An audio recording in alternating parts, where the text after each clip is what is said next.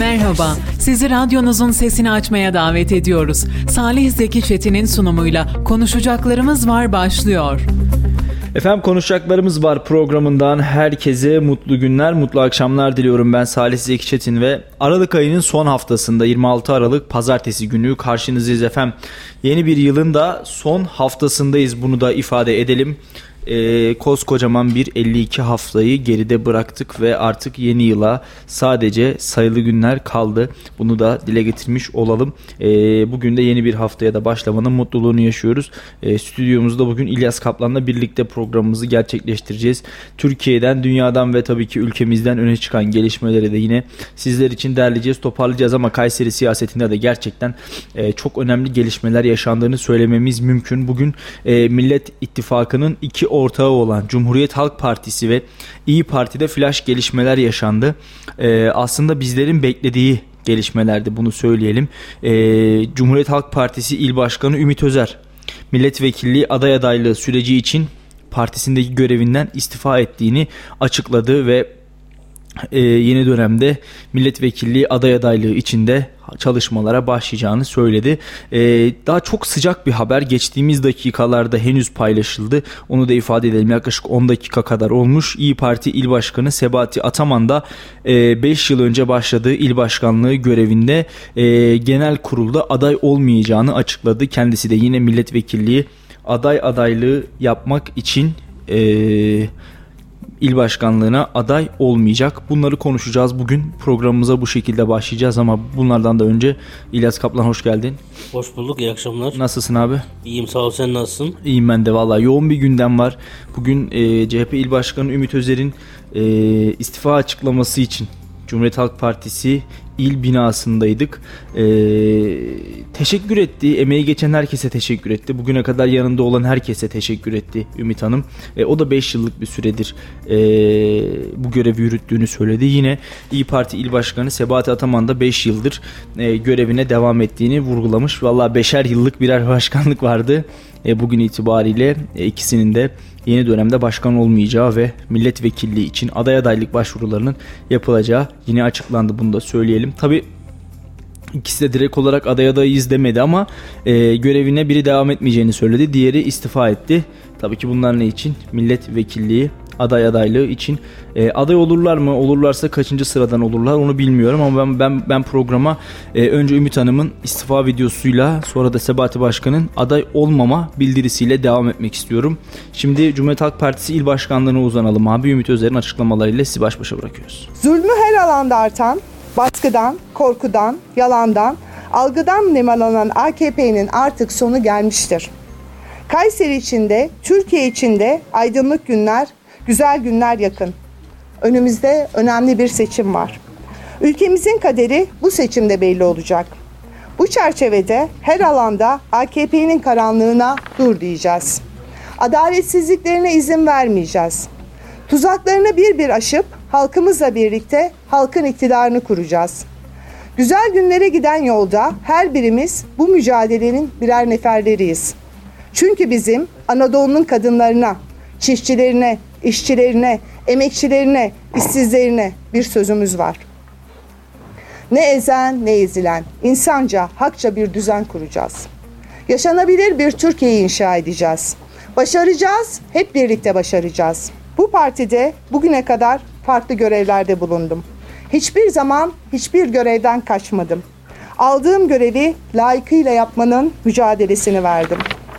5 yıldır da Cumhuriyet Halk Partisi'nin il başkanlığı görevini yol arkadaşlarımla birlikte bütün zorluklara rağmen gururla, onurla yaptım.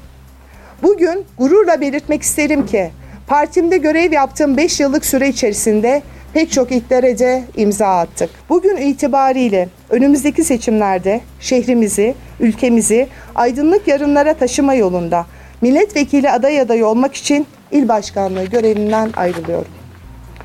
Bundan sonraki süreçte Allah nasip ederse, partimiz görev verirse milletimizin helal oylarıyla milletvekili olarak yine şehrim, ülkem, halkım için mücadele etmek istiyorum.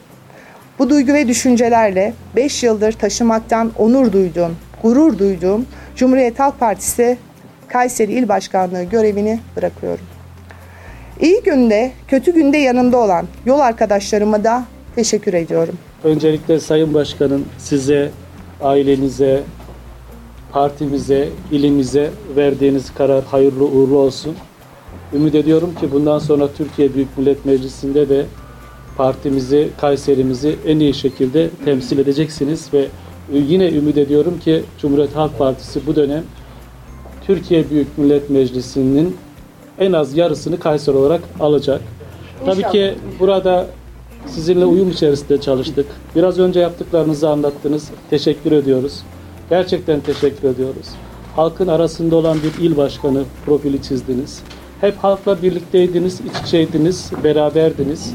Halkın derdiyle dertlendiniz. Evet abi Cumhuriyet Halk Partisi Kayseri İl Başkanı Ümit Özer'in açıklamalarına götürdük dinleyicilerimizi ve kendisinin e, istifa sürecini değerlendirelim. İstersen önce onunla başlayalım. Hayırlı uğurlu olsun diyelim. Evet, hem Cumhuriyet Halk Partisi'ne hem Kayseri siyasetine e, uzun yıllardır il başkanlığı görevini yürütüyordu Ümit Özer ve bugün itibariyle de artık e, yeni dönemde yeni bir il başkanı atanacak. Ee, basın mensubu arkadaşlarımız onu da sordu. Yeni il başkanı belli mi diye sordular. Henüz mevcut il başkanının yani yeni seçilecek il başkanının belli olmadığını daha doğrusu atanacak desek daha doğru olur herhalde. Ee, genel merkezin talimatnamesini, talimatlarını takip ettiklerini söyledi Ümit Özer ve Bundan sonraki süreçte de yeni il başkanının yine genel merkez tarafından belirlenen tabloya, şablona göre seçileceğini söyledi. Ee, yeni il başkanı ile herhalde bir seçim görecekler, seçime götürecek. Ee, ondan sonra da benim en azından aldığım duyumlara göre yeni il başkanının seçimlere kadar e, partinin başında duracağı, daha sonrasında ise yeni bir seçimle partide il başkanlığı değişimi yapılacağını ben duydum kulis bilgileri bu şekilde. Ee, biraz yaşı büyük şöyle e, yani geçmiş seçimleri görmüş, seçim tecrübesi olan e, bir il başkanıyla seçimlere girmek istediklerini söylemiş genel merkez ve e, akabinde de seçimler sonrasında da tabii ki ne olacak? Yeni bir e, süreç, yeni bir il başkanlığı seçim süreci delegelerin seçeceği bir süreçte de CHP yeni il başkanlığı belirleyecek ama e, yönetimin yani genel merkezin atadığı ve seçtiği yeni il başkanı seçimlere kadar Cumhuriyet Halk Partisi'nin Kayseri il başkanlığı görevine devam edecek. O yüzden biraz böyle seçim tecrübesi olan seçim görmüş yaşı da biraz büyük bir il başkanını herhalde önümüzdeki dönemde Cumhuriyet Halk Partisi'nde göreceğiz. Tabii bunun eksilerini, artılarını, doğrularını, yanlışlarını e, partisel anlamda Türkiye'nin gençleşmeye başladığı söylemlerinin altında e, Kayseri İl Başkanı'nın yaşı da hiç kuşkusuz bence çok önemli. E, Türkiye'de bir gençleşme hareketinin olduğunu vurgulayıp Kayseri'ye e, böyle kelli felli diye tabir ettiğimiz bir il başkanı atanırsa da herhalde bu eksi yazar diye düşünüyorum. E, ama tabii ki bundan sonraki süreçte Cumhuriyet Halk Partisi'nin vereceği karar da önemli. Ümit Hanım kaçıncı sıraya konulacağı çok önemli ya da aday olup olmayacağı da bence önemli. Çünkü istifa etti evet aday aday olacak belki evet ama adaylık için e, kimsenin böyle bir garantisi yok. Yani siyaset sürprizlere her daim açıktır ve e, 24 saat siyaset için bildiğimiz gibi çok uzun bir süre. E, bu sebeple kendisinin aday olup olmayacağı hususunda genel merkez Cumhuriyet Halk Partisi'nin genel merkezi herhalde bir karar verecektir. Yine e, mevcut milletvekili Çetin Arık'la alakalı olarak da ona da bugün sordular vekilliğe devam mı diye. Tam manasıyla evet devam edeceğim aday olacağım demese de e, buna benzer ifadelerle yani Türkiye Büyük Millet Meclisi'nde daha güçlü bir şekilde Kayseri'yi temsil edeceğiz dedi. Öyle zannediyorum ki onun da gönlünde yatan bir adaylık süreci var. Yeniden aday olma süreci var. Ee, ama herhalde Çetin Vekil'in 3. dönemi. Yani ben genel merkezin yerine olsam şunu sorarım 3 dönemdir bir vekil çıkartıyoruz. Buradaki sıkıntı ne? Şimdi e, muhalefetsek de kendi eğrimize doğrumuza da bence şöyle bir bakmak gerekiyor. E, sadece iktidarın yaptıklarını eleştirmek muhalefet değil bazen kendi kendinin de muhalefeti olmalısın. E, bunu her parti için ya da her kurum için söylüyorum.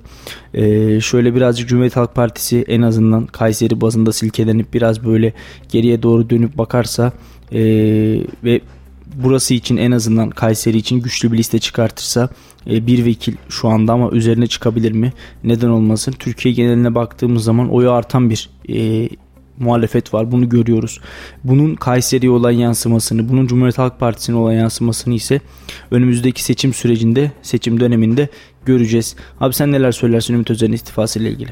Yani ben de senin söylediğin gibi aslında e, bu istifaların e, artık il başkanlarının e, bir dönem görevi yerine getirdiklerini ve kendilerinin milletvekili en azından adayı olarak gördüklerinin bir göstergesi. E, bundan sonraki tabii ki devam edecektir. Şu an için e, bu listeler ne olacak veya e, sadece milletvekili aday listesinde yer almak yetmeyecek. E, bir de sıralama tabii ki çok önemli olacak. İstedikleri sıralamada olmazlarsa bu sefer e, onların da bir e, hem şevki kırılacaktır hem de onların e, taraftarlarının da bir e, kızgınlığı olacaktır. Yani e, aslında pandemi sonrası e, o yavaş yavaş normalleşme e, siyasi açıdan e, çok hızlı bir e, yine yoğun bir e, zamana bizi taşıyacak. E, bunu gösterdi. Bu artık böyle de devam edecek ki e, şu an için işte her ne kadar e, bu bir ittifakın artık yavaş yavaş e, kartlarını oynadığını görsek de e, Cumhur İttifakı'nın e, şu an için henüz e, bu konuda sessiz olduğunu görüyoruz. E, yavaş yavaş tamam istifalar oldu ama en azından il başkanları düzeyinde ne olacağını veya kulislerde geçen isimlerin nasıl şekilleneceği merak konusu. E, Kayseri bu zamana kadar e, yani seçime kadar e, çok toz kalkacaktır illaki. E, senin de söylediğin gibi aslında e, tecrübeli tabii ki e, seçime girmiş o seçimde hem teşkilatın unsurlarını hem de genel merkezde olan iletişimi iyi yapmış insanlar gerekiyor ama diğer taraftan da e, yeni e, bu gençlere yönelik e, gençlerin bildiği isimlerinde e, il başkanlığını vekaleten de olsa yürütmesi gerekiyor. E, eğer ki gelecek isimler tecrübeli olsalar dahi kesinlikle bence e, gençlerin bildiği, gençlerin arasında e, sürekli var olan isimlerin e, il başkanı olmasını e, beklerim ben. Evet, e, şimdi tabii bir taraftan Cumhuriyet Halk Partisi'nde e, il başkanlığı için yeni adaylar konuşulmaya başlamışken ve henüz daha genel merkezden yani çok sıcak bir istifa onu söyleyelim. Henüz daha birkaç saat oldu. Evet. Ee, Ümit Hanım'ın istifası ile ilgili. Onun da listede olup olmayacağı noktasında bakacağız, göreceğiz, zaman gösterecek bazı şeyleri. E, muhalefetin bir diğer kanadı olan İyi Parti'den de yine e, il başkanı Sebahati Ataman'dan 7 Ocak'ta yapılacak kongre ile ilgili bir açıklama geldi. Onu da ben okuyayım abi istersen. 5 yıl kadar önce Genel Başkanımız Sayın Meral Akşener'in liderliğinde başlattığımız İyiler ve Cesurlar Hareketi'nin birer neferi olarak milletimizin hak ettiği huzurlu ve müreffeh yarınlara kavuşmak için büyük bir özveriyle çalıştık. İyilik güneşiyle aydınlanan bu kutlu yolculuğumuzda karşılaştığımız her türlü baskıya, tehdide ve engele karşı yılmadan azimle ve kararlılıkla mücadele ettik. Bu süreçte İyi Parti Kayseri İl Başkanlığı olarak 16 ilçemizi karış karış gezerek 5000'in üzerinde esnaf ziyareti yaptık. Hemşerilerimizin dertleriyle dertlendik, sesleri olmaya çalıştık.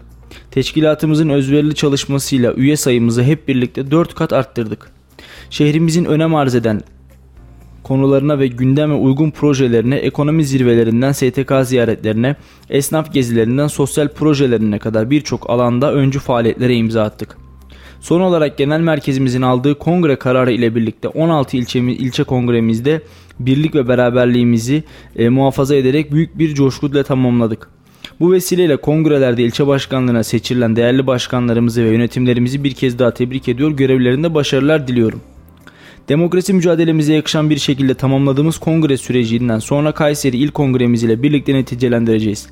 7 Ocak 2023 Cumartesi günü gerçekleştireceğimiz İyi Parti Kayseri 3. olağan kongremizde 3 yıla yakın bir süredir yürütmekte olduğum onur ve gurur duyduğum il başkanlığı görevime genel idare kurulumuzdan aldığım tavsiye kararına uyarak yeniden aday olmayacağımı belirtmek isterim. Bugüne kadar bir nefer olarak mücadele etmekten şeref duyduğum İyi Parti'de bundan sonra da liderimiz Genel Başkanımız Meral Akşener'in ve partimin emrinde olacak. Genel Başkanımızın uygun gördüğü her vazifeyi aynı şevk ve heyecanla yerine getirmek üzere hazır olacağım. Bu duygu ve düşüncelerle birlikte başta GİK üyemiz Kayseri Milletvekilimiz Dursun Ataş olmak üzere partimizi iktidar yapmak için uyum içerisinde omuz omuza yol yürüttüğüm bütün dava arkadaşlarıma teşekkür ediyor. Gerçekleşecek il kongremizde seçilecek yeni il başkanımıza ve yönetimine şimdiden başarılar diliyorum ifadelerini kullandı. İyi Parti Kayseri İl Başkanı Sebati Ataman. Ee, nasıl görüyorsun abi Sebati Başkan'ın aday olmayacağım açıklamasını?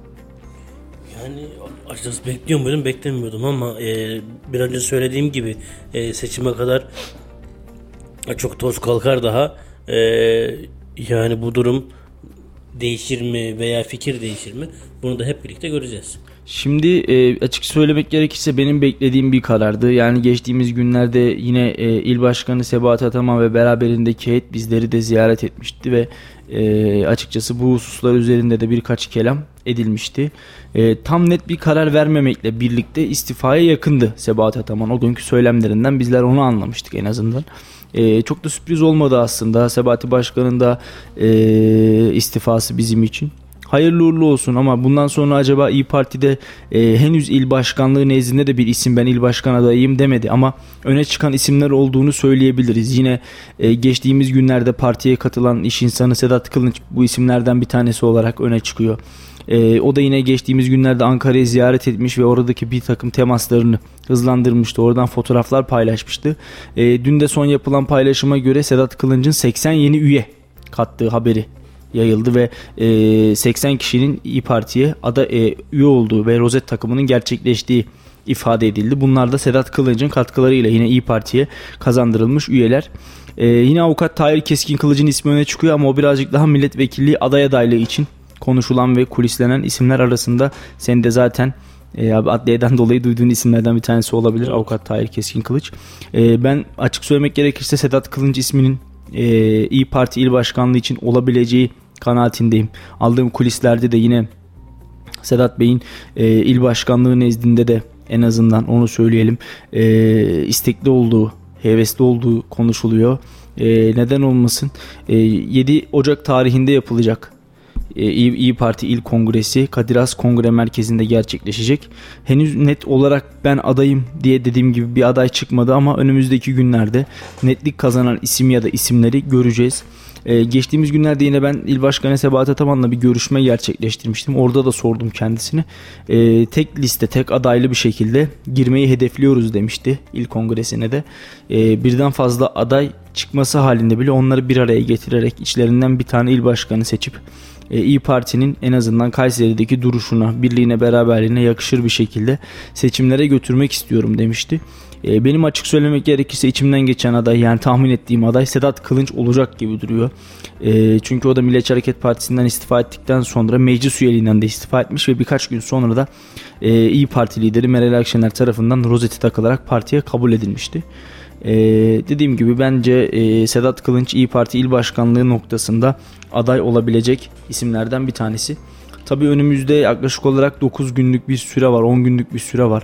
Ee, bu süre zarfı baz alındığında da e, senin dediğin gibi siyaset çok su götürecektir. Ee, hemen yılbaşından ilk yani yılbaşından sonraki ilk cumartesi günü yapılacak kongre. Ee, Valla tahmin etmesi, kestirmesi zor bir kongre. Belki de 2-3 adaylık çıkacak ama e, mevcut başkan Sebahat Ataman'ın kafasındaki, zihnindeki e, eğer olursa ki tek aday olsun e, İyi Parti'nin Kayseri'deki duruşuna yakışır bir kongre yapalım diyordu. Dediğim gibi bence Sedat Kılınç ismi e, bir adım öne çıkıyor abi sen ne düşünürsün? Valla Sedat Kılıç olur mu bilmiyorum ama eğer olursa da yani onun da bilmiyorum olmaması durumunda hani bunu e, işini e, sonuç olarak gösterecektir.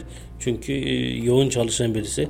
Tabii ki e, Adnan İnce Toprak da herkes öyle ama yine e, Sedat Kılıç daha çok e, iş yerinde tek yetkili gibi olduğundan onu bence işi nedeniyle bu görevi e, kabul etmeyebilir diye düşünüyorum. Ama tabii tamam senin, da senin o... duyduğun senin duyduğun bazı söylemler vardır. O zaman ee, neden o zaman e, madem madem madem işi yoğundu neden İyi Parti'ye üye oldu? Geçtiğimiz hafta iki hafta önce Ankara'daydı. Geçtiğimiz hafta Ankara'daydı. 80 tane üyeye rozet takıldı. Gün İyi Parti binasındaydı. Senin söylediğin gibi aslında hani bu Ankara'da o rozeti takması ya milletvekilliği aday adaylığı ya da il başkanlığı için e, büyük bir e, eline e, koz veriyor. Yani hem partililerin hem de senin gibi düşünenlerin. Hep birlikte göreceğiz. Evet ben şöyle düşünüyorum ki e, vakit noktasında kendini ayarlamıştır herhalde. E, yola çıkacak olan e, rızkını hazırlar mı diyelim, azığını hazırlar mı diyelim. Bence hazırlamıştır. Çünkü e, bir bir yere talip olmasa, bir yere adayım demesi herhalde e, bu vakit partiye üye olup da e, rozet takım törenlerine, Ankara'daki kulislere katılmazdı diye düşünüyorum. E, ama hayırlısı olsun. Zaman zaman ve süreç zaman ve süreç bize bir şeyleri tabii ki gösterecek. Bunu da hep beraber göreceğiz. E, abi şimdi aslında senin e, dolaylı yoldan alanın olan bir konuya ben temas etmek istiyorum. Kayseri'de en çok evlenme ve boşanma 2021 yılında gerçekleşmiş. Bunu söyleyelim. E, yani oldukça ilginç bir veri. Oldukça ilginç bir veri. Hem evlenmenin en çok hem de boşanmanın en çok olduğu yıl 2021 olmuş. Yani pandeminin pik yaptığı, evlerimizden çıkamadığımız, oturduğumuz, e, sokağa çıkma yasaklarıyla geçirdiğimiz süreç hem evlenmenin hem boşanmanın Kayseri'de en fazla yaşandığı yıl olmuş. E, bunların tabi birden fazla sebebi, birden fazla nedeni olabilir ki e, maalesef üzülerek söylüyorum pandemi döneminde e, bunu bir espri olarak belki insanlar söylüyordu ama işte evden çıkmayan eşler birbirinin aldattıklarını e, yakaladılar işte mesajlaşmalarını görüyorlar vesaire vesaire vesaire gibi. E, bunlar demek ki sosyal medya hurafesi ya da sosyal medya aldatmacısı olmanın ötesinde e, herhalde gerçeklik payı olan düşüncelermiş. E, herhalde evlenme ve boşanmanın da en büyük sebeplerinden bir tanesi sosyal medya. İnsanlar ya sosyal medyada görüp tanıştığı biriyle mutlu bir yuva kuruyor ya da e, mutlu yuvaları olan kimseler yine sosyal medyada tanıştıkları insanlarla maalesef farklı amaçlar uğrunda görüşerek evliliklerini sonlandırıyorlar. Sen nasıl görüyorsun evlenme ve boşanma? Bu, bu aralar çok hem arttı, çok görüyoruz, çok duyuyoruz çevremizde. Çok de. duyuyoruz tabii. Aslında şöyle yani e, ta- okul zamanından itibaren e, hiç kimse he- hem kızına hem de oğluna e, hiçbir şeye sabret demiyor. Hiçbir şeyi bir dinle. E, haklı olsan da sus demiyor. E, hak, haklıysan susma veya sen sürekli haklı olduğunu e, bastır gibisinden söylemler oluyor. Öyle de olunca insanlar birbirini dinlemiyor. E, maalesef işte e, bu nedenle de hem e, kavga hem aile içi şiddet hem aile içi geçimsizlik e, veya bu tür e, daha sonrasında da boşanma durumları olabiliyor. Boşanma konusunda ee, sen de söylediğin gibi aslında dolaylı yoldan e, bizi beni ilgilendiren bir konu ki sürekli adliyeye gittiğim için söyleyebilirim. E, dolup taşıyor. Yani artık kavgalar orada da devam etmeye başlıyor. E, şöyle de bir durum var. E, boşandığı kişiyle aslında biz yanlış yapmışız, boşanmışız diye tekrar evlenen insanlar da var. Yani e, işte önceden büyükler belki biraz daha e, durumu e, adil davranıp adil konuşup durumu kurtarma bakımına giderken şu an insanlar işte varsa rahatsızlığın varsa e, seni sıkıntıya sokan bir durum e, boş ver ayrıl git durumu oluyor. Bir de hani sen evlisin tabii sen daha iyi bilirsin ama sanki böyle bekarlar sanki e, hani başka bir alemde yaşıyormuş gibi bir hava oluyor. O nedenle hani bekarlık sultanlıktır Sanki durumu. biraz sanki biraz bekarlar kıskanılıyor mu abi böyle bir durum? Yani sanırım işte ge- gezebiliyorsun, kahve içebiliyorsun veya Ama biz de yapıyoruz ya. işte yani Evliyiz. bence de bence de yani yani ev, evlilerde e, tumla vurup, vurup öldürmemek gerekiyor. Aynen öyle. Evliler de kahve içiyor. Onlar da gezip dolaşabiliyor. Bunlardan yana bir problem yok ama ben de sosyal medyada özellikle hani yeni tanışılan ve çok hızlı bir şekilde kaynaşılan arkadaşlıkların evliliğe uzandıktan hızlı, hızlı e, evliliğe uzandıktan sonra hızlı bir şekilde çözülmeye uğradığını ve maalesef insanların bir an evvel boşanma yolunu tercih ettiklerini Şunu görüyorum. da görüyoruz. Şimdi aile bir e, annesi babası ya da bir büyüğü e, bir ferdin e, karşı tarafta e, bir huzursuz olduğu bir durum oluyor. Onu da söylüyor artık kendi yakınına. Ama o kişi öyle bir karşı tarafa öyle bir bakıyor ki yani gözünde öyle bir büyütüyor, öyle bir güzelleştiriyor ki söylenen sözleri pek umursamıyor. Daha sonrasında da maalesef onlar artık e, ayyuka çıkınca bu sefer de kendi ailesinin üstüne çizip gidenler olduysa e, onlar büyük bir sıkıntı çekiyor veya e, aile tekrar e, kendini bırakıp yüzüstü bırakıp giden e, çocuğu için veya e, karşı taraf için e, kendine e, bu tür şeylere davranan e, yakınları için tekrar e, çocuğunu e, önüne almıyor. E, bu durumda maalesef e, artık e, boşanmaları e, artırdı. Onların da hem boşanma da diye boşanmanın da ziyade maalesef aile içi şiddeti de arttırdı. Evet. Bu konuda emniyet güçleri çok büyük e, emek harcıyor. Uzun e, mesailerini buna harcıyorlar. Maalesef KADES diye bir şey e, yapıldı ki o proje yapılmak zorunda kaldı. Yani o uygulama. E, zorda dur, ol, olduğunu düşünen kadın orada e, butona basıp emniyet yetkililerini çağırabiliyor. Keşke böyle bir uygulama hiç gerek olmasa değil mi abi? İşte yani? onu diyorum zaten hani keşke hiç gerek olmasa ama yani işte bir de şöyle hani e, sevdiği insanı sahiplenmenin ziyade hani sevdiği insanı bu kadar e, kendi e, parantez içinde ya da daha doğrusu tırnak içinde söyleyeyim hani kendi malıymış gibi e, davranan insanlar oluyor. E, Bunu mahkemede de görüyoruz, mahkeme sonrasında da görüyoruz veya e, tavır davranışından, söylemlerinden de görüyoruz. Yani karşı tarafın da bir insan olduğunu, onun da bir ailesinin olduğunu, yani biraz sebat, biraz aslında karşı tarafı düşünme, biraz sebat, biraz empati bu tür şeyler hep giderecek ama maalesef hep bir işte e, daha düzende başlayan, tanışmada başlayan, düzende devam eden birbirine e, o güç savaşı e, insanların taraf tarafların yani daha doğrusu dünürlerin birbirine e, bu güç savaşı daha sonra da mutsuz evlilikler veya daha sonra kısa süreli evliliklere neden olabiliyor. Evet. Şimdi eee, bir daha abi sen de bir bekar olarak bence bu noktada daha iyi bir yorum yapabiliyorsun. En azından olayları eee, dışarıdan gözlemleyen biri olarak hatta bekardı demek bence sana artık yanlış olur. Tecrübeli bir bekarsın diyebiliriz. Tecrübeli bir bekarsın diyebiliriz. Bekarlığın tecrübesi tecrübesiz mi olur? Olmaz olur mu abi? olmaz Tabii olmaz ki. olmaz. Peki. Ee, şimdi 100 tane evliye sorsak herhalde 90 tanesi bekar olmak ister. 100 tane bekara sorsak 90 tanesi herhalde evli olmak ister. Bu garip bir müessese.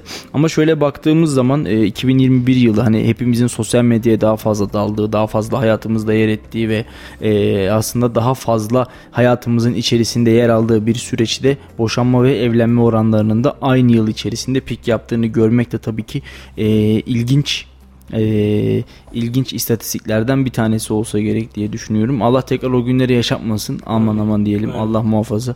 E, çok fazla e, evde oturmak da demek ki çok iyi olaylara sebebiyet vermiyormuş abi. Bunu da bir kez daha e, görmüş olduk. Bu arada e, Koca Sinan'dan Mehmet abi de bizi dinliyormuş. Buradan selam olsun kendisine. Selamlar Yolda gidiyormuş. Kendisine. Ee, biz de selamlarımızı iletelim. Valla herhalde şu an evlilerde, bekarlarda bizle aynı fikirdedir. Pandemi sürecinde gerçekten çok sıkılmıştık, çok bunalmıştık. İşin tabii ki istatistik kısmı bir tarafa ee, ciddi manada bu da böyle bir hani rakamsal bir boyut olarak hayatımızdaki yerini almış olsun. Ee, pandemi sonrasında da bak geçen sene hiç mesela yani bu yıl içerisinde daha tabii veriler açıklanmadı ama 2021'deki kadar çok boşanan yoktur diye tahmin ediyorum. Ama evlenen sayısı yine fazladır. Bunun da en büyük etmenlerinden bir tanesi işte yine bizim de birlikte çalıştığımız arkadaşlarımızdan bekar olanlar var. Aman abi diyor evlenelim de diyor her geçen gün maliyetler artıyor. İşte buzdolabı, çamaşır makinesi, bulaşık makinesi, halı, kilim, koltuk takımı, perde, tül e, daha envai çeşit eksik sayabilirim evlenecekler için.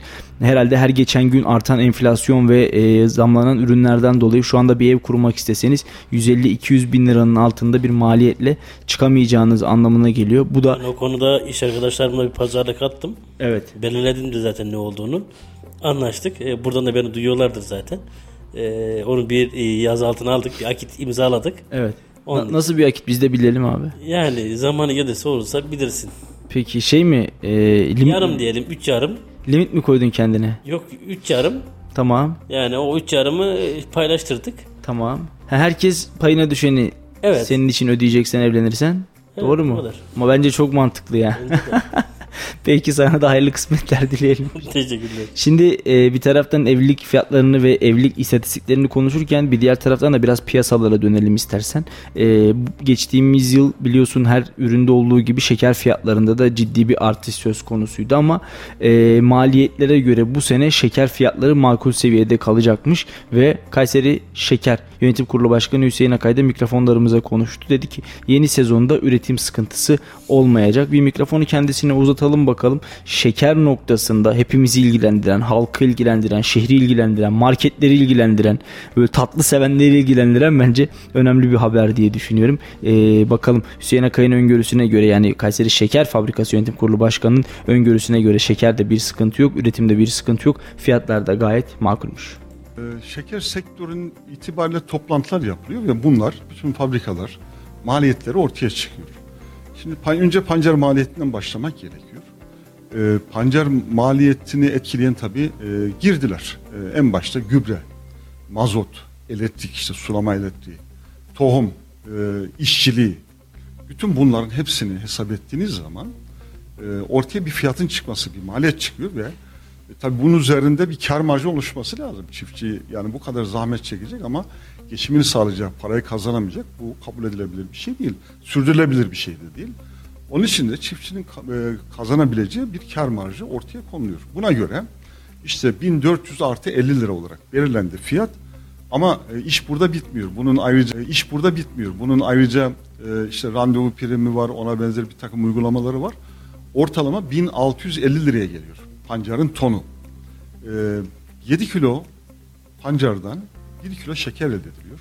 1650'yi 7 ile çarptığınız zaman ortaya bir rakam çıkıyor. İşte 11 bin küsür.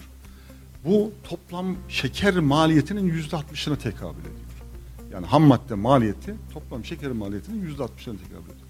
Bunun yüzde 60'ını e, hesap ettiğiniz zaman ortaya 19 bin lira gibi bir rakam çıkıyor. Bunun içerisinde finansman maliyeti yok. Bu üretimini gerçekleştirmesi için bu üretim döneminde 2 milyar avans verdik. Aynı ve nakdi avans verdik. Ve bunun için bir kuruş faiz almadık. Ama biz bunu bir bankadan kullanıyoruz ve bankaya faiz ödüyoruz. Dolayısıyla bu işlerin yapılabilmesi için bir finansman maliyeti var. Bu finansman maliyetinden dikkat ettiğiniz, e, dahil ettiğiniz zaman şekerin e, bugün itibariyle ton maliyeti 20 bin TL. Bu, bu hem Kayseri şeker için böyle hem işte Türk şeker için 3, 3 aşağı 5 yukarı böyle ya da diğer fabrikalar için böyle. Dolayısıyla e, şeker 20 liranın altında ya da ton itibariyle 20 bin liranın altında satıldığı zaman fabrikalar zarar edecek demektir. Bu bütün sektörün kabul ettiği bir hesaplama. Ee, şimdi e, şu anda Türkiye'de şeker satışları işte 19, 20, 21 bin lira seviyesinde ton itibariyle fabrika çıkışı olarak devam ediyor. Bu tabi perakendeye yansıması e, son zamanlarda 23 lira ile e, kilo bazında söylüyorum 23 lira ile 26 lira arasında değişiyor. E, şimdi işte nakliye, e, işçilik, işte marketlerin kendi bir takım masrafları dikkat edildiği zaman makul bir seviyede, maliyete göre makul bir seviyede olduğu inancındayım. E, burada yani böyle fahiş bir, şu an itibariyle söylüyorum, fahiş bir kar marjı söz konusu değil. Ha, geçen sene özellikle biz Nisan ayına kadar bu fiyatları tutmaya çalıştık. Ama bizim elimizde şeker bittikten sonra fiyatlar ciddi bir şekilde patladı. Ve o arada e, yüksek kar edenler olmuştur işin doğrusu. E, burada çiftçinin çok fazla bir karı söz konusu değil. Üreten fabrikalarında fazla bir karı söz konusu değil. Ama alıp satımını yapanlar ne kadar kar ettiler onun hesabını ben yapamam. Onun hesabını devletin kurumlarının yapması lazım. Ortada böyle bir durum söz konusu. E, tabii Türkiye kotalı üretim yaptığını söylemiştik. Bu kotalı üretim çerçevesinde Ocak ayının sonu itibariyle kotalar tamamlanacak olursa Türkiye'de bir e, şeker krizi, geçen seneki bir kriz yaşanmaz ümidindeyim. Ama tabii bu rakamlar ortaya çıkmadan da bunu kesin bir şekilde ifade etmek de çok kolay değil. Şimdi bizim e, gelecek sene için yaptığımız bu 1800 lira avans fiyat hamlesi yine önemli bir hamle. Geçen seneki bir önemli bir hamle. E, dolayısıyla çiftçi şeker pancarı üretiminde istekli davranacaktır. Bu fiyatlar çerçevesinde istekli davranacaktır. Ve çiftçi ürettikten sonra zaten şeker sektörüyle ilgili bir sorun olacağını düşünmüyorum. E, iş ki biz tabii onun ihtiyaçlarını en sağlıklı bir şekilde temin etmemiz lazım. Şimdi e, bu çiftçi kendi başına bu işleri yapamıyor. E, yapması çok kolay değil. Bunun işte tohumunu temin edeceksiniz, gübresini temin edeceksiniz. Yerine göre işte traktörün çalışması için mazotunu vereceksiniz. Geçen sene hatırlayın e, çiftçi e, traktörü çalıştırmak için e, şeyden e, ofislerden, e, petrol ofislerinden ya da işte bayilerden e, mazot almakta bile zorluk yaşıyor. Ya da işte fiyatlar sık değiştiği için e, bu çerçevede çok bir sorun olacağını düşünmüyorum. Zaten biz e, bu geçtiğimiz sene için e, kotaları kaldırmıştık diye pancar uygulaması olmayacağını söylemiştik tahmin ediyorum bu gelişmeler istikametinde gelecek senede de yine kota sınırlaması olmayacak gibi görülüyor.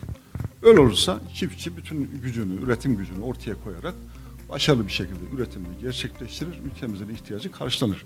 Türkiye'de ciddi bir üretim potansiyeli var. Çiftçi gerçekten başarılı bir üretim ortaya koyuyor.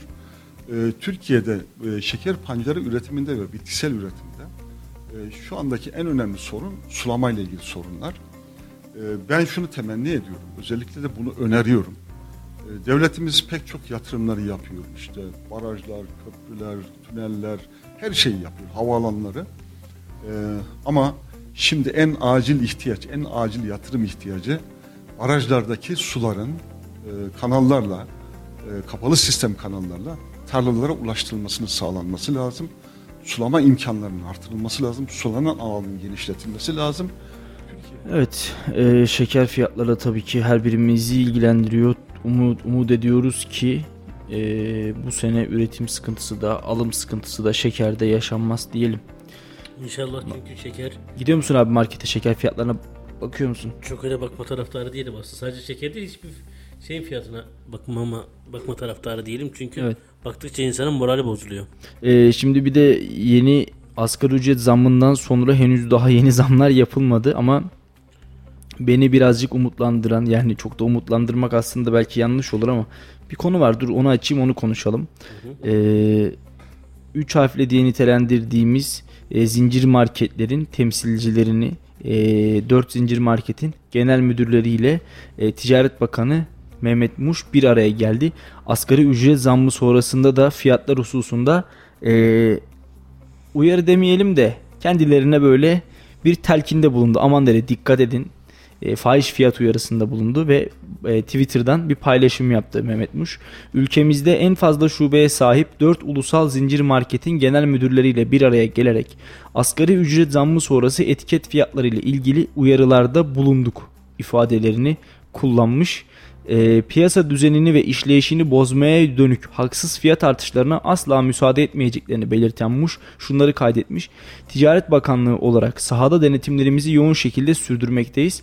Haksız fiyat artışları ile mücadelede bakanlık olarak elimizdeki tüm denetim imkanlarını sonuna kadar kullanmakta kararlıyız demiş. Kimler katılmış bu toplantıya? E, Migros CEO'su Özgür Tort, A101 CEO'su Cem Maltaş, Şok CEO'su Uğur Demirel ve BİM CEO'su Galip Aykaç katılmış. E, Galip Bey de en son yapmış olduğu çıkışla bütün dikkatleri üzerine çekmişti. En son hesap sorarız bak kardeşim görürsünüz deyip devlete, hükümete, e, devlet hükümet yetkililerine parmak sallamıştı ama e, bugün o masada o da vardı ve e, Ticaret Bakanı Mehmet Muş'un e, uyarılarını kendisi de dinlemiş. E, Allah var ben e, sürekli olarak gidiyorum ve hani asgari ücret zammından bu yana aradan geçen 3-4 günden e, baz alacak olursak öyle bir hani çok yüksek fahiş bir fiyat arttırımı henüz herhangi bir üründe rastlamadım. Ama tabii e, hatta öyle ki 3 harfli marketlerde ben indirimlere de denk geldiğim oluyor. E, Bununla ilgili olarak bence daha sıkı bir şekilde denetimler yapılmalı. Ama tüm suçu da 3 harfli marketlere atmamak gerekiyor. E, Umarım Bakan Muş'un enflasyondan haberi vardır. Umarım Bakan Muş'un 3 harfli marketlerden ziyade bakkalların geçim sıkıntısı çektiği, geçim darboğazında olduğundan da haberi vardır. Çünkü burada sadece 3 harfli marketleri ya da zincir marketleri hedef tahtasına oturtmak ve vatandaşın önüne orada çalışan insanları ya da bu marketlerin yetkililerini alın bakın bu zamların tek e, yetkilisi, tek sıkıntılısı e, bu insanlardır ya da bu marketlerdir. Bu enflasyonun tek sebebi bu marketlerdir demek de tabii ki doğru bir ifade değil. E, vatandaşların önüne o insanları atmak ve e, biz bu işte hiçbir kabahatimiz yok. Artan enflasyonun bizim ekonomimizin, doların artmasının, euronun artmasının bir etkisi yok. Tek suç bu insanlardadır, bu marketlerdedir demek de bence doğru bir yaklaşım değil. E, bunun da önüne geçmek gerekiyor. E, tabii ki onların üç harfli marketlerin, zincir marketlerin hataları yok mudur? Vatandaşın sırtından para kazanmamışlar mıdır? Fahiş fiyatlı ürün satmamışlar mıdır? Mutlaka yapmışlardır ama iğneyi onlara batırırken çuvaldızı da kendimize batırmayı bence ihmal etmememiz gerekiyor. Çünkü e, dönüp baktığımız zaman bakkal kültürümüzü, mahalle bakkalı olgumuzu ortadan kaldıranlarla bugün bu marketleri eleştirenler aynı yöneticiler. E, bunlara da dikkat etmek gerekiyor. Ama denetimleri elden bırakmadan o marketlerin de orada çalışanların da evine ekmek götürmesini sağlayıp o marketlerin varlığını devam etmesini sağlayacak koşullarda bize ürün e, oluşturmasını sağlayacak piyasa koşullarında ve vatandaşın da cebinden daha fazla para çıkartmadan denetimleri arttırmak gerekiyor.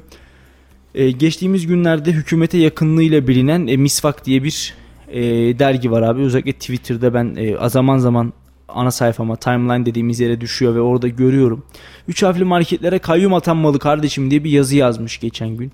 Ee, ben bu söyleme bu ifadeye defaatle karşıyım. Bunu söyleyeyim. Biz komünizmle yönetilen bir ülke falan değiliz. Bunun altını çizmek gerekiyor. Ee, eğer öyle olmuş olsaydı zaten özel sektör tamamına devlet kontrol eder ve oradaki fiyat politikasını devlet belirlerdi kalkıp da 3 harfli marketlere, 3 harfli marketlerin başına kayyum atama fikri, böyle bir şeyin ortaya çıkma fikri ya da e, böylesine geniş kitlelere hitap eden bir e, haber mecrasından da böyle 3 harfli marketlere kayyum atanmalı kardeşim gibi ifadeleri görmekte beni açıkçası üzdü. E, serbest piyasa ekonomisindeyiz. Serbest piyasa ülkesindeyiz. Bu yıllardır böyle.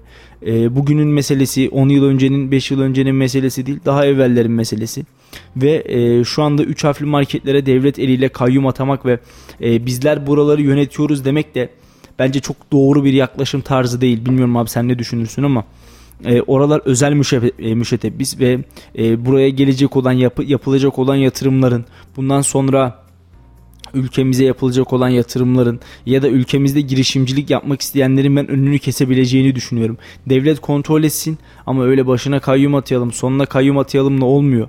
Ee, evet doğudaki terör odaklarının olduğu, terör odaklarının yaşadığı bölgelere, beldelere, e, kaymakamlıklara, belediyelere kayyumlar atanıyor ve oralarda devlet gücünü, varlığını hissettiriyor, gösteriyor. Hatta öyle ki yine terör örgütü FETÖ ile bağlantılı, PKK, PYD ile bağlantılı şirketlere de yine kayyumlar atanıyor ve e, işte Erciyes Anadolu Holding'in olduğu gibi başına geldiği gibi e, birçok şirket TMSF'ye devir oluyor. Ama tutup da 3 e, harfli marketlerin başına kayyum atamak bence çok doğru bir yaklaşım değil. Demokrasiye, e, demokrasi anlayışına, birlik ve beraberlik olgusuna çok mantıklı ve e, çok doğru yönde hareket edilebilen bir adım e, olarak görmüyorum açıkçası. E, burası özgür bir ülke. Burası özgür bir cumhuriyet. Madem öyle alışveriş yapmazsın, sana uymuyorsa gidip almazsın, mevzu biter. Ya da devlet olarak denetimlerini arttırırsın, olur biter. Ama biz bunu sevmedik, hadi kayyum atayalım. Biz bunu beğenmedik, hadi kayyum atayalım. Biz bunun söylediklerinden çok hoşlanmadık. Hadi buraya da bir kayyum atayalım. Böyle bir anlayış tarzını ben çok kabul etmiyorum, benimsemiyorum. Bilmiyorum sen ne düşünüyorsun? Sen de söylediğin gibi kayyum atamak e, son derece yanlış. En azından bunu söylemek zaten yanlış bir durum ama e, bizde de burada işte o zamanki o e, zincir marketlerle ilgili o kadar çok şikayet varken o kadar çok eleştiri varken yapılmayan denetimler ne hikmetse e, söylediği bir söylemin siyasi bir tarafa çekilmesiyle yapıldı. Yani bugün e, Sayın Bakan sadece o konuda uyarmayacak. Ya bugün herkesi sen bir e, hata yaptığında e, senin başında bitiyorlarsa veya sen ceza ödüyorsan atıyorum kırmızıda geçtiğin için bugün A partisi, B partisi bunun yetkilisi kim, CEO'su kim, sahibi kim, ortakları kim demeden e, o markete eğer ki bir varsa fahiş fiyat uygulanan bir durum veya yapılan bir müdahale varsa fiyatlara o zaman gerçekten o adalet terazisini orada görmemiz gerekiyor. E, bugün o konuda bir e, yard bir durum olmuyor veya çalışanların e, haddinden fazla saatlerde çalış veya ağır şartlarda çalışmasına e, bakanlık bir bir şekilde bakmıyor ama e, sadece e, basit bir e, uyarı veya bir toplantı yani zaten geçtiğimiz günlerde de söylemiştim. E, devletin bizi e, bazı usulsüzlüklere karşı uyarmasını ben çok yanlış buluyorum. Yani yapması gereken devletin ben o üreticiye veya o kişi o şeyi sağlamıyorum. Eğer ki varsa birileri bir durum yapıyorsa, birileri üretim yapıyorsa, o üretime e, haksızlık yapıyorsa veya e, hilesine başvuruyorsa e, beni uyarmayacak. O kişinin deyim yerindeyse kellesini alacak. Evet. Ki diğerleri yapmasın. Ben yapmayayım. Sen yapma. Karşıdaki yapmasın. Ama bu konuda e, belediye beni uyarıyor bir duruma göre. E, valilik beni uyarıyor. E, hep hep Vatandaş her, her şey vatandaştan bekleniyor. Tamam vatandaş bugün atıyorum almasın ama yarın yani gittiğiniz bir marketi bakkalı ertesi gün göremeyebiliyorsunuz. Artık kapanmış. Durum onlara gelmiş. Büyükler ayakta kalmış veya zincir marketler ayakta kalmış. Bakkalı, e, marketi, e, küçük esnafı artık zaten bitmiş. O nedenle insanlar mecbur mecbur kalıyor bugün marketlere gitmekte. Evet. E şimdi oraya hepsini de aynı fiyatı gördükten sonra alıyor. Hani bunun e, işte yerli üretim dendi. Ondan sonra işte etiket vuruldu. Şu olacak dedi. Bazı e, hükümete yakın olan yerler fahiş fiyat kalkacak. Ondan sonra kimin nereden geldiği belli olacak. Menşei belli olacak dedi. Ama şu an için değişen hiçbir şey yok. Kesinlikle. Onun için hani o konuda biraz artık e, gerçekten elini masaya koyması gerekiyor devletin ve o e, sert yüzünü de hak edenlere göstermesi gerekiyor. Ee, bir daha bir şöyle Şöyle, Özür dilerim lafını da böldüm. Şimdi bu senin de söylediğin gibi e, asgari ücrete gelecek zam açıklandıktan sonra e, o keşke o gün ve ertesi gün markete gitseydim bazı ürünlerde özellikle temizlik e, ürünlerinde e, 10 liralık 15 liralık artışları görebilirdin. Evet. Yani eğer ki bir gecede o artışı yapıyorsa o insan yani senin mahallendeki teyzeler benim mahallemdeki amcalar onu fark ediyorsa yani devletin fark etmemesi veya görmemesi Mümkün değil. Yani mümkün değil bana da e, onlarla güzel güzel uyarıp veya konuşup e, eğer ki bir insanın o tür yerlerin veya herhangi bir kuruluşun başındaki insanların denetlenmesi için veya e, yaptığının sorgulanması için siyasi bir açıklama mı yapması gerekiyor? O zaman biz bunu yapalım yani sürekli birilerini teşvik edelim siyasi bir şey söylemeye. O söylediğinde makaslayalım. E, Ondan sonra mı denetlenecek? Yani çok saçma bir durum oluyor. Nedense adalet sadece bir konuda oluyor ki geçtiğimiz senelerde de olmuştu. Bir kadın kocası hakkında o kadar e, şikayette bulunmuştu. E, ama yakalanmayınca e, Cumhurbaşkanı'na bir şey söylemişti. O söyleminden dolayı adam gözaltına alınmıştı. Evet. Yani e, o olmasa alınmayacak mıydı? Ya da Bizim- bu bizim- tür şeyler çok saçma bizim, geliyor. Bizim, bizim ülkede her şeyi söyleyebilirsin, her şeyi eleştirebilirsin. E, marketlere kayyum atayalım diyebilirsin. Öğretmenlere laf söyleyebilirsin. Gazetecilere hakaret edebilirsin. Doktorlara eleştirebilirsin ama kesinlikle siyasilere bir şey söyleyemezsin. Bir kısım siyasi. Bir kısım siyasilere diyelim. Yani bu maalesef böyle. E, işte BİM'in CEO'su işte Galip Bey e, bir açıklama yaptı ve bu açıklamanın ardından hedefe konulmuştu. Şimdi yıllarca belki de bu zammı bize yaptı. Yıllarca fahiş fiyat bazı ürünlerden fahiş fiyatla belki ciddi paralar kazandı vatandaşın üstünden ama bu kimsenin dikkatini çekmedi. Ne zamana kadar? Ta ki Galip Bey çıkıp da işte hükümete, iktidara, yetkililere e, parmak sallayana kadar. Parmağı salladı. Ondan sonra önce oradaki birlik zincir marketleri birlik görevinden istifası istendi. Akabinde e, bağlı bulunduğu CEO'luk yaptığı marketin e, camları taşlandı ve e, ne oldu? Bu siyasi söylem kendisine çok ağır şeylere e, mal oldu. Bunu ifade edelim. E, söylediği şey doğru demiyorum. Salladığı parmağı da doğru demiyorum. Sadece o parmağı ona sallatacak cesareti kendisine vermememiz gerekiyordu. Bugünün mevzusu değil. Geçtiğimiz yıllarda da bu sıkıntıları yaşadık ve e, üzülerek söylüyorum ki eğer önlem tedbiri alınmamış olsa, eğer o parmak sallanmamış olsa demek ki bu süreç bu şekilde e, ülkemiz böyle süre gelmiş, böyle gidecek şeklinde devam edecekti. Ha, e, Galip Bey parmağı sallamamış olsa kimsenin ona rahatsızlık duyduğu falan da yoktu yani o dakikaya kadar. Herhangi bir rahatsızlıkları da yoktu. E, parmak sallanınca, e, ibre kendilerine doğru dönmeye başlayınca siyasiler de düğmeye bastı Bunun en güzel de zaten Sedat Peker değil mi? Evet. Yani bunca zaman demek ki bunları biliyormuş Sedat Peker. Ya da Yani bunları o kadar söyledi, birilerini tehdit etti, söylemediği şey yapmadı, miting kalmadı. Hiçbir şey olmadı. Ne bir suç duyurusu, ne hakkında bir yakalama kararı. Çakarlı arabayla geldi gitti her yere. Ama dokunduğu kısım başka bir yer olunca bu sefer tukaka oldu. Evet bir anda sanki Sedat Peker oradan gitti ve ya da farklı bir Sedat Peker geldi. Ee, biz zaten sevmiyorduk. Biz zaten kendisini mafya babası olarak görüyorduk. Biz zaten şöyle görüyorduk. Böyle geriyordukçular gene başladı diyelim. Ee, bastığınız dala, bastığınız yere, adım attığınız noktaya bizim ülkemize dikkat etmeniz gerekiyor.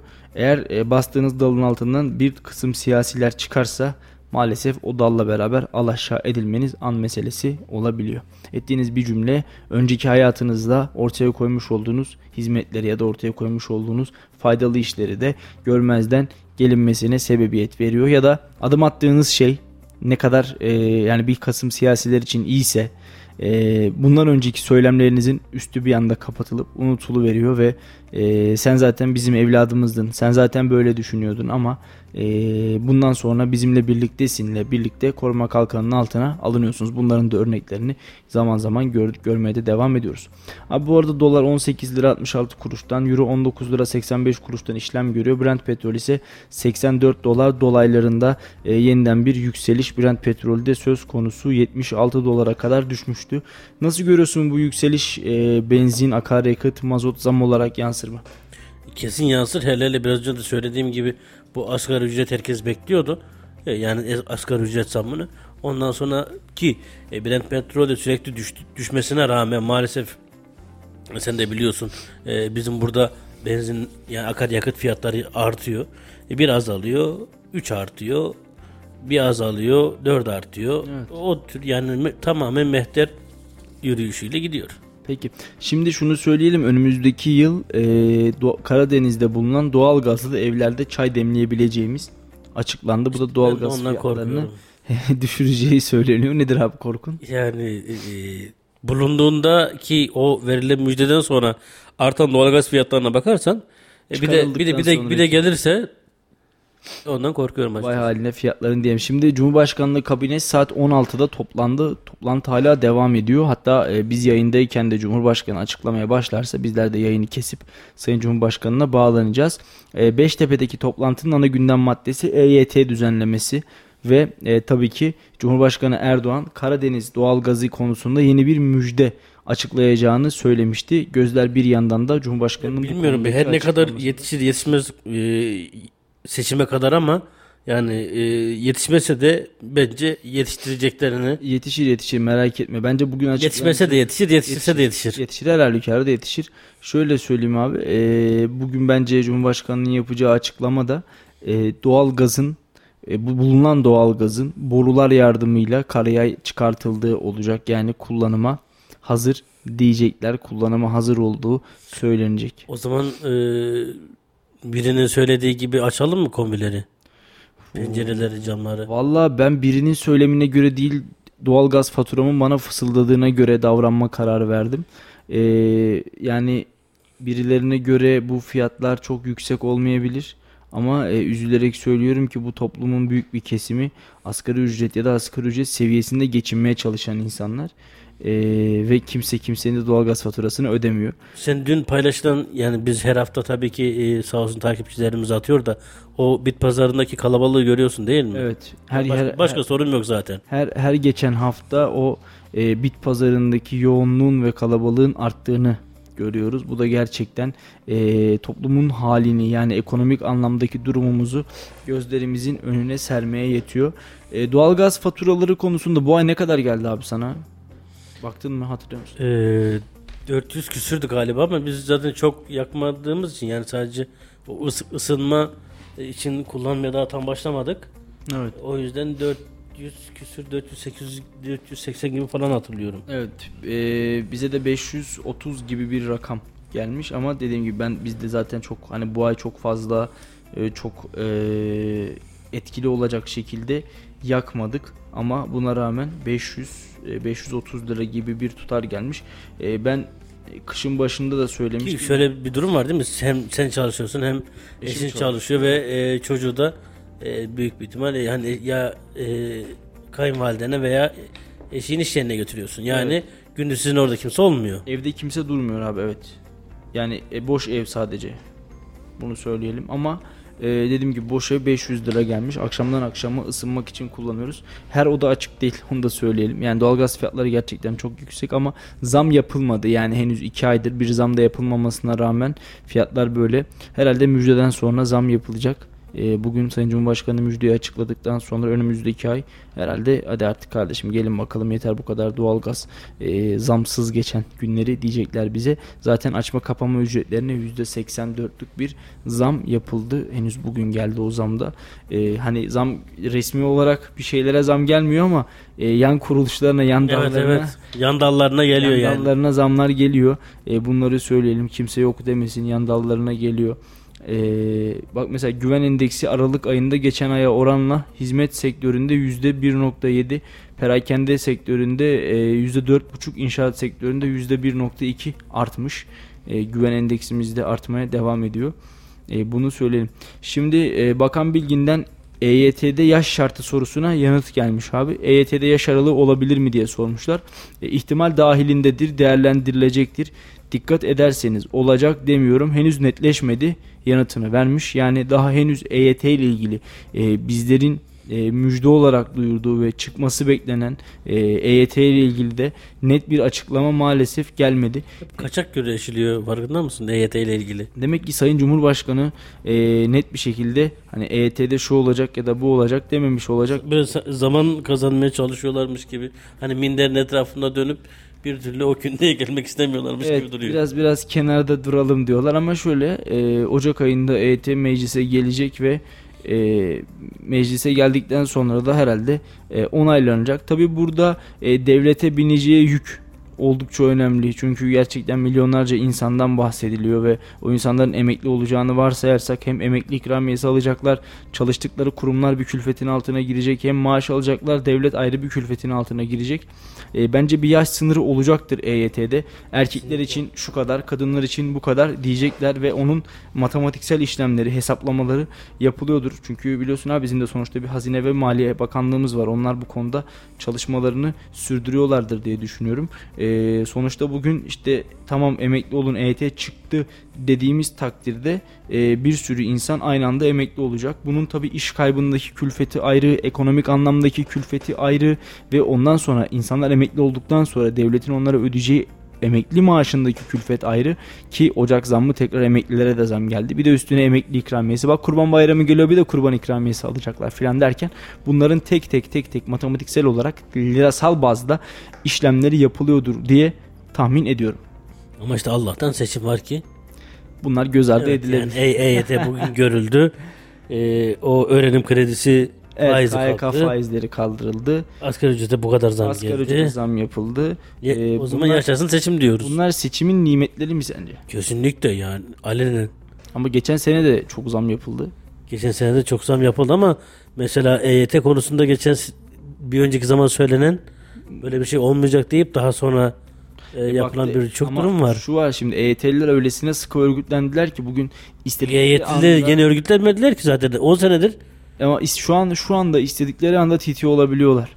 Biliyorsun ülkeler artık Twitter'dan yönetiliyor. Twitter'dan gündem belirleniyor. Siyasiler birbirine Twitter'dan eee, böyle yükleniyorlar. EYT'liler de Twitter'dan çok sıkı bir şekilde, hızlı bir şekilde örgütleniyorlar ve hızlı bir anda da TT olabiliyorlar.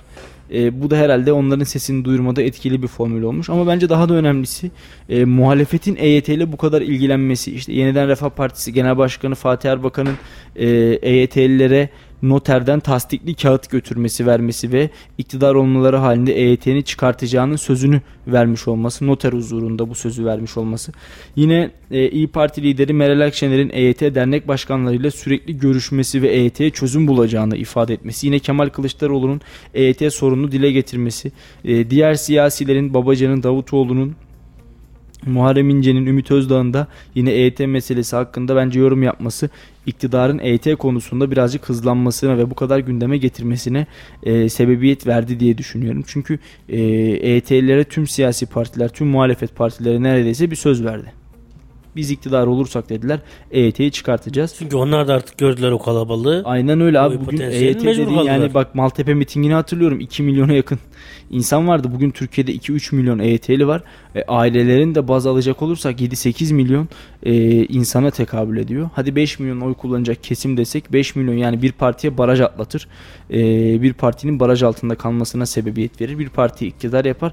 Bir partiyi iktidardan düşürür diye yorumlayabiliriz. Çok fazla EYT'li var. Etrafımıza bile baktığımızda e, bir örnek veriyorum 100 kişi tanıyorsak bunların 50'sinin 40'ının 30'unun neyse EYT'li olduğunu görebiliriz. Bu da zaten EYT'li sayısının Türkiye'de ne kadar fazla olduğunu gözler önüne seriyor. Tabi bu EYT sorunu bence bitmeyecek. Yani EYT EYT olarak kalmaya devam edecek. İşte sadece erkeklerde 52 yaşını aşmışlara ve 52 yaş ve sonrasına EYT verecek. Kadınlarda örnek veriyorum 49 ve sonrasına EYT'yi verecek. Erkeklerde 52'den küçük olanlar işte kadınlarda 49'dan küçük olanlar o yaş aralığı ne olursa e, oralardan küçük olanlar yine EYT'li olmaya da devam edecek. EYT'yi herkese de veremeyecek bence e, mevcut yöneticiler. Çünkü çok gerçekten büyük külfetlere e, sebebiyet veriyor. E tabi onlar da haklı. Ülkede bu kadar mülteci varken, ülkede bu kadar gider varken bir de şimdi EYT'lilere para vermeye çalışırsak aman Allah vay halimize diyelim. E, sonuçta elimizde darphane yok ki. Para basıp herkese dağıtalım. Böyle değil mi? Peki. Şimdi e, biraz gündem değiştirecek bir haberle şöyle yavaş yavaş programımızın sonuna doğru gelelim abi istersen. Tüp bebek e, hasreti çeken, tüp bebek özlemi çekenler, bebek özlemi çekenler tüp bebek tedavisiyle bu özlemlerini dindiriyorlar. E, kadın hastalıkları uzmanı ve tüp bebek uzmanı Profesör Doktor Gökalp Öner gebe kalma oranı en yüksek tedavi şeklinin tüp bebek olduğunu dile getirmiş. Gebesin. Çok sağ olun hocam. Allah razı olsun. Allah Teşekkür tamamını ediyorum. erdirsin. İlaçlarına aynen devam et. Tamam ediyorum. 10 gün sonra meleğimin resmini bekliyorum. Ultrason resmini tamam mı? Tüp bebek e, özellikle bize çocuk istemi için başvuran çiftleri değerlendirdiğimiz zaman eğer kadının tüpleri rahim filminde kapalıysa, e, eğer erkeğin sperm analizinde sperm sayısı e, çok azalmışsa ya da hiç gözükmüyorsa ya da yumurta sayısı ciddi anlamda azalmış ya da kadının yaşı ileri ise biz e, o zaman tüp bebek yöntemini tercih ediyoruz. Tüp bebek yöntemi çocuk istemi için bize başvuran çiftlere uygulanan e, tedavi yöntemi ve gebelik oranı en yüksek yöntemdir. Aynı zamanda bize polikistik over olup ya da çikolata kistili olup ya da herhangi bir sebep bulamadığımız çiftlerde diğer tedavi yöntemleriyle de başarı elde edemezsek yine en son uygulama olarak da başarı şansı en yüksek olduğu için tüp bebek uygulaması tercih ediyoruz. Tüp bebekte başarı oranı %40 ila 70 oranında embriyonun kalitesine göre değişir. Has çiftlerimize bize başvurdukları zaman kadının adetin ikinci günü değerlendirilir. Yumurtaları büyütülür, belli bir olgunluktan sonra toplanır. Eşinin spermiyle birlikte embriyo oluşturulur. İşte biz bu embriyonun kalitesini özellikle transfer anında yapay zeka yöntemi de kullanaraktan en kaliteli yumurta embriyo seçilir. En kaliteli embriyo transfer edilmeden önce hastalarımıza kişisel olarak da aynı zamanda oran veriyoruz. Şimdi tüp bebek %40 ila 70 oranında gebelik oranı bir, olan bir yöntem. Tabii ki bu faktörler arasında, başarı etkileyen faktörler arasında mutlaka kadının yaşı çok önemli bir faktör. Yumurtanın kalitesi çok önemli bir faktör.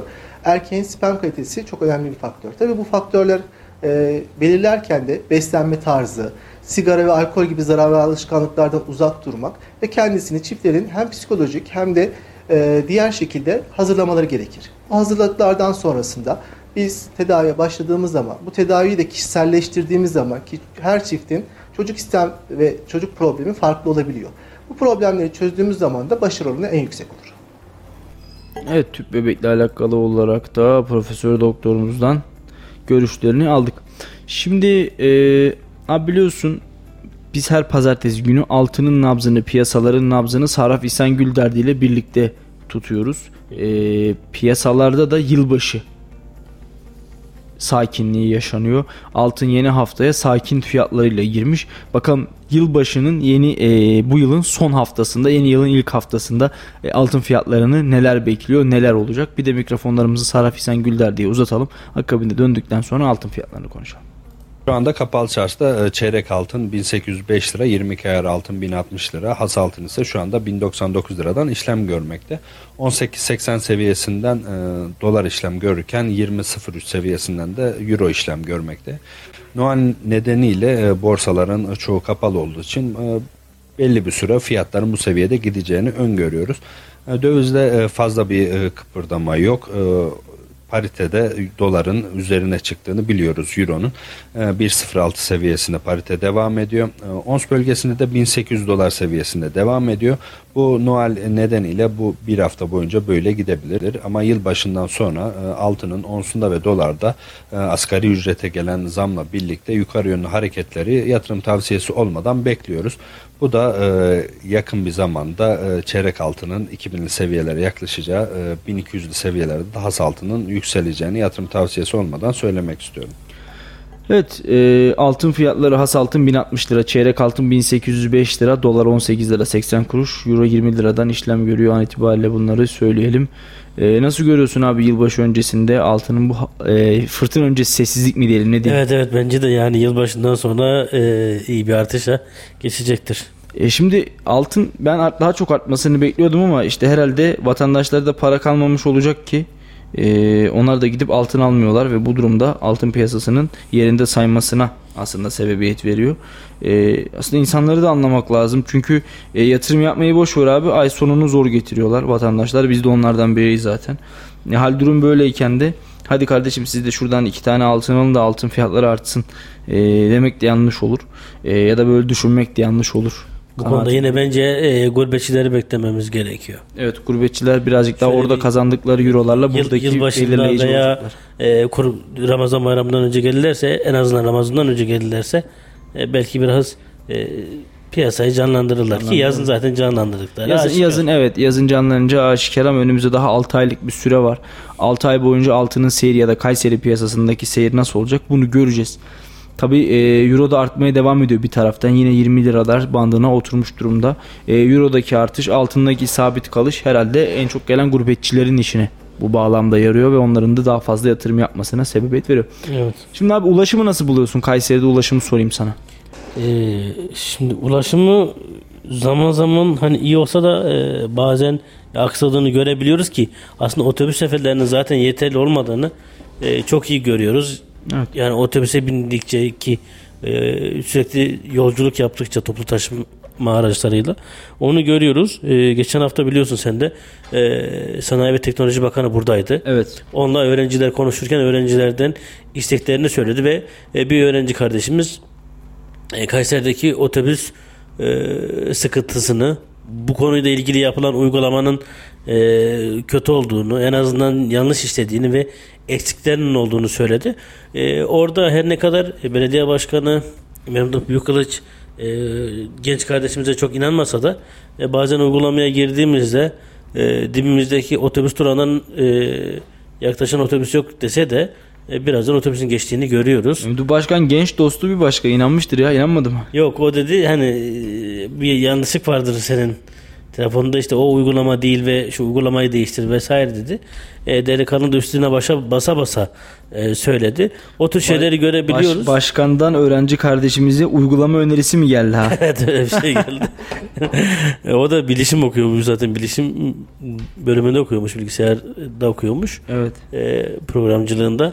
E, orada güzel bir konuşma olmuştu. Bu konuda ben aslında e, en azından tabii ki hani Memduh Büyükkılıç'ın e, otobüs otobüs gezmesini veya e, o durumlara e, her, her yere yetişmesini beklemem ama e, o konuda atıyorum makine ikmaliyle ilgili e, birilerini e, bu yapılan anketlerden ziyade bir e, otobüse ki böyle çok kalabalık olmayan Erkilet veya Anayurt'tan bahsetmiyorum. E, atıyorum Yeşil Mahalle veya Hürriyet gibi yerlere gün içinde göndererek oradaki sıkıntıyı görebilir, görebilir.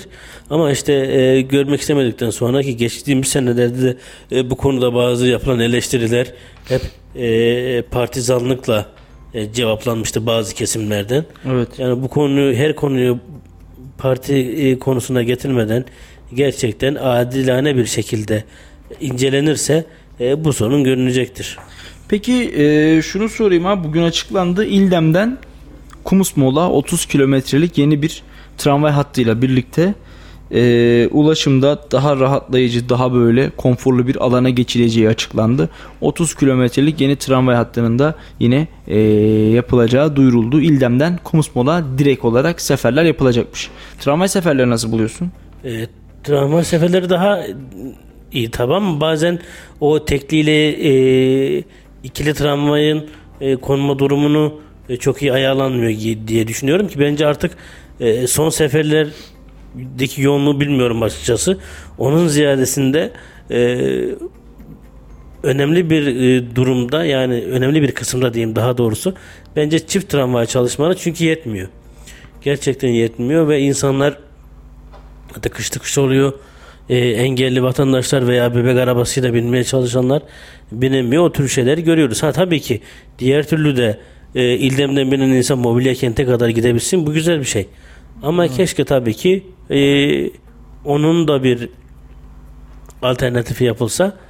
E, yani o şu an için senin söylediğin biraz sanki Kayseri'yi dolaşıyormuş gibi oluyor. Biraz daha e, kestirme bir güzergah. Umarım ileriki zamanlarda bu işte e, İzmir'deki İzban gibi bir e, durum sistem Kayseri'ye de gelir. Şimdi abi ben burada çözümün e, kesinlikle ama kesinlikle metro olduğunu düşünüyorum. İşte geçtiğimiz haftalarda o, o, ke- o kesin de onu bir daha yani sanmam. geçtiğimiz haftalarda İstanbul'daydık ve oradaki ulaşım konforunun ne kadar e, güzel olduğunu bir kez daha aslında gördük. Metroyla ulaşımın ne kadar rahat olduğunu gördük.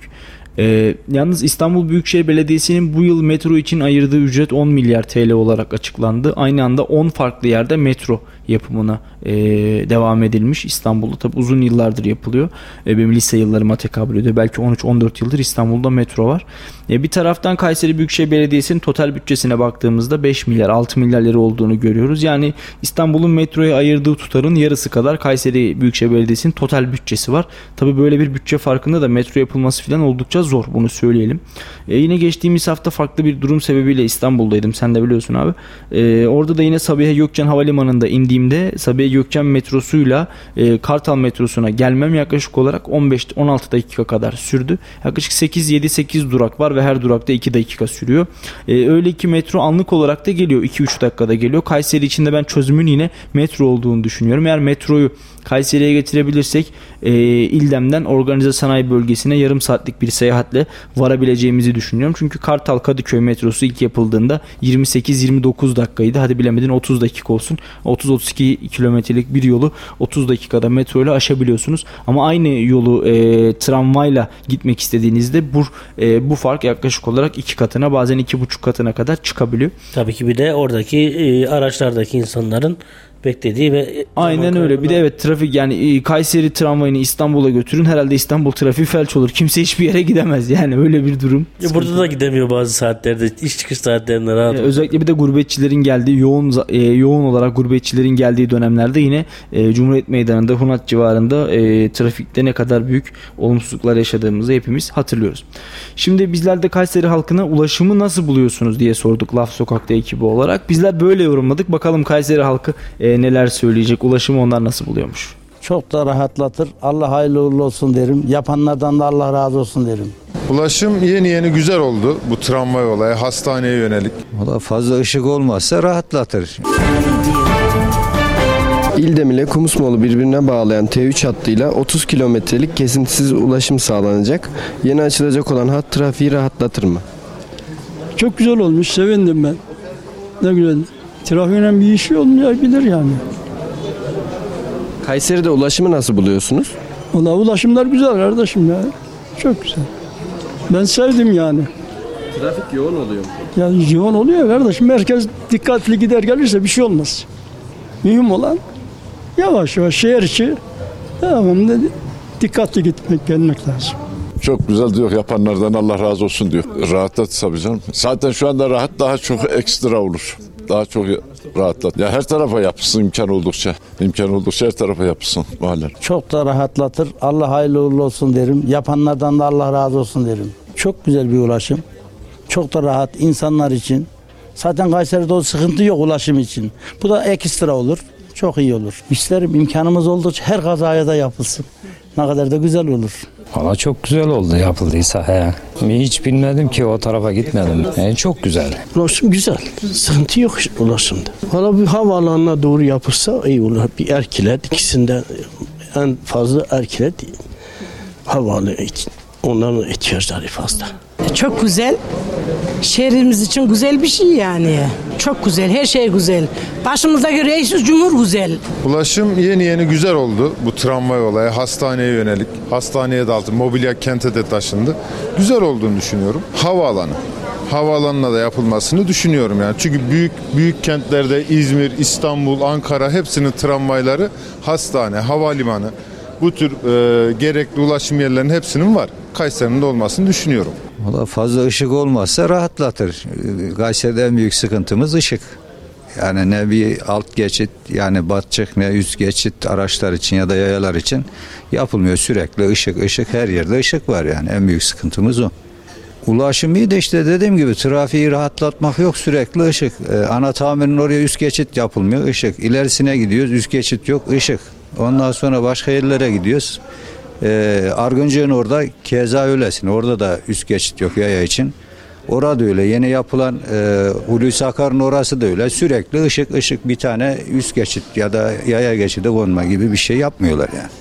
Yoksa yollarımız falan çok güzel, geniş. Yani o konuda bir sıkıntı yok da sıkıntı öbür şekil işte. Çok sanmıyorum rahatlatacağını ya. Kayseri'de bu tramvay ulaşım olduğu derecede etkiledi yani. Belli saatlerden sonra yok. Mesela saat genelde üniversite öğrencileri de bundan da şikayetçi. 11.30'dan sonra başka bir yere ulaşım bulamazsınız. Rahatlatır tabii vatandaşa iyi olur. Bu iyi güzel. Evet yani e, vatandaşta 3 aşağı 5 yukarı bizim e, hadi şöyle yapalım dediğimiz hususlarda onlar da aslında birleşmiş durumda. E, yani Kayseri'de aslında ulaşımda yapılacaklar 3 aşağı 5 yukarı belli. Ama bunların nasıl hayata geçirileceği, bunların nasıl işleneceği bence tartışılmalı, konuşulmalı ve en nihayetinde kararla bağlanmalı. Ee, yani bir şeyler yapıldığı yıllardır bir şeyler yapılmaya devam ediyor ama e, bence tramvayı biraz artık yer üstünden yerin altına doğru almaya da başlamamız gerekiyor diye düşünüyorum. Katılıyorum ki yerin altından olursa zaten e, en azından Doğu Garajı'ndan e, devlet su işlerine kadar e, trafiği oldukça rahatlatır. Evet. Diyelim abi e, bugünlük de programımızın sonuna geldik. Var mı ekleyeceğin, söyleyeceğin? Teşekkür ederim. Sağ olasın. Evet, henüz kabine toplantısı bitmediği için Sayın Cumhurbaşkanı'na bağlanamadık ama e, kabine toplantısı bitip Sayın Cumhurbaşkanı ulusa seslenmeye başladığı anda da yine e, canlı yayında Radyo Radar'da Kayseri Radar'da olacağız. E, değerli dinleyenler ve değerli takipçilerimiz bir programımızın daha sonuna geldik. Efendim haftanın ilk yayın günüydü. Bu yılın da son haftasıydı. 2022 yılının son haftasında. Umarım güzellikler getiren bir hafta olur. 2022 son haftasında güzel bir kapanış yapar bizler diyoruz ve yayında yapımda emeği geçen tüm ekip arkadaşlarıma ayrı ayrı teşekkür ediyorum. Bir sonraki gün yani yarın yeniden bu stüdyolardan sizlere sesleninceye dek efendim hoş kalın, hoşça kalın. Salih Zeki Çetin'in sunumuyla konuşacaklarımız var sona erdi.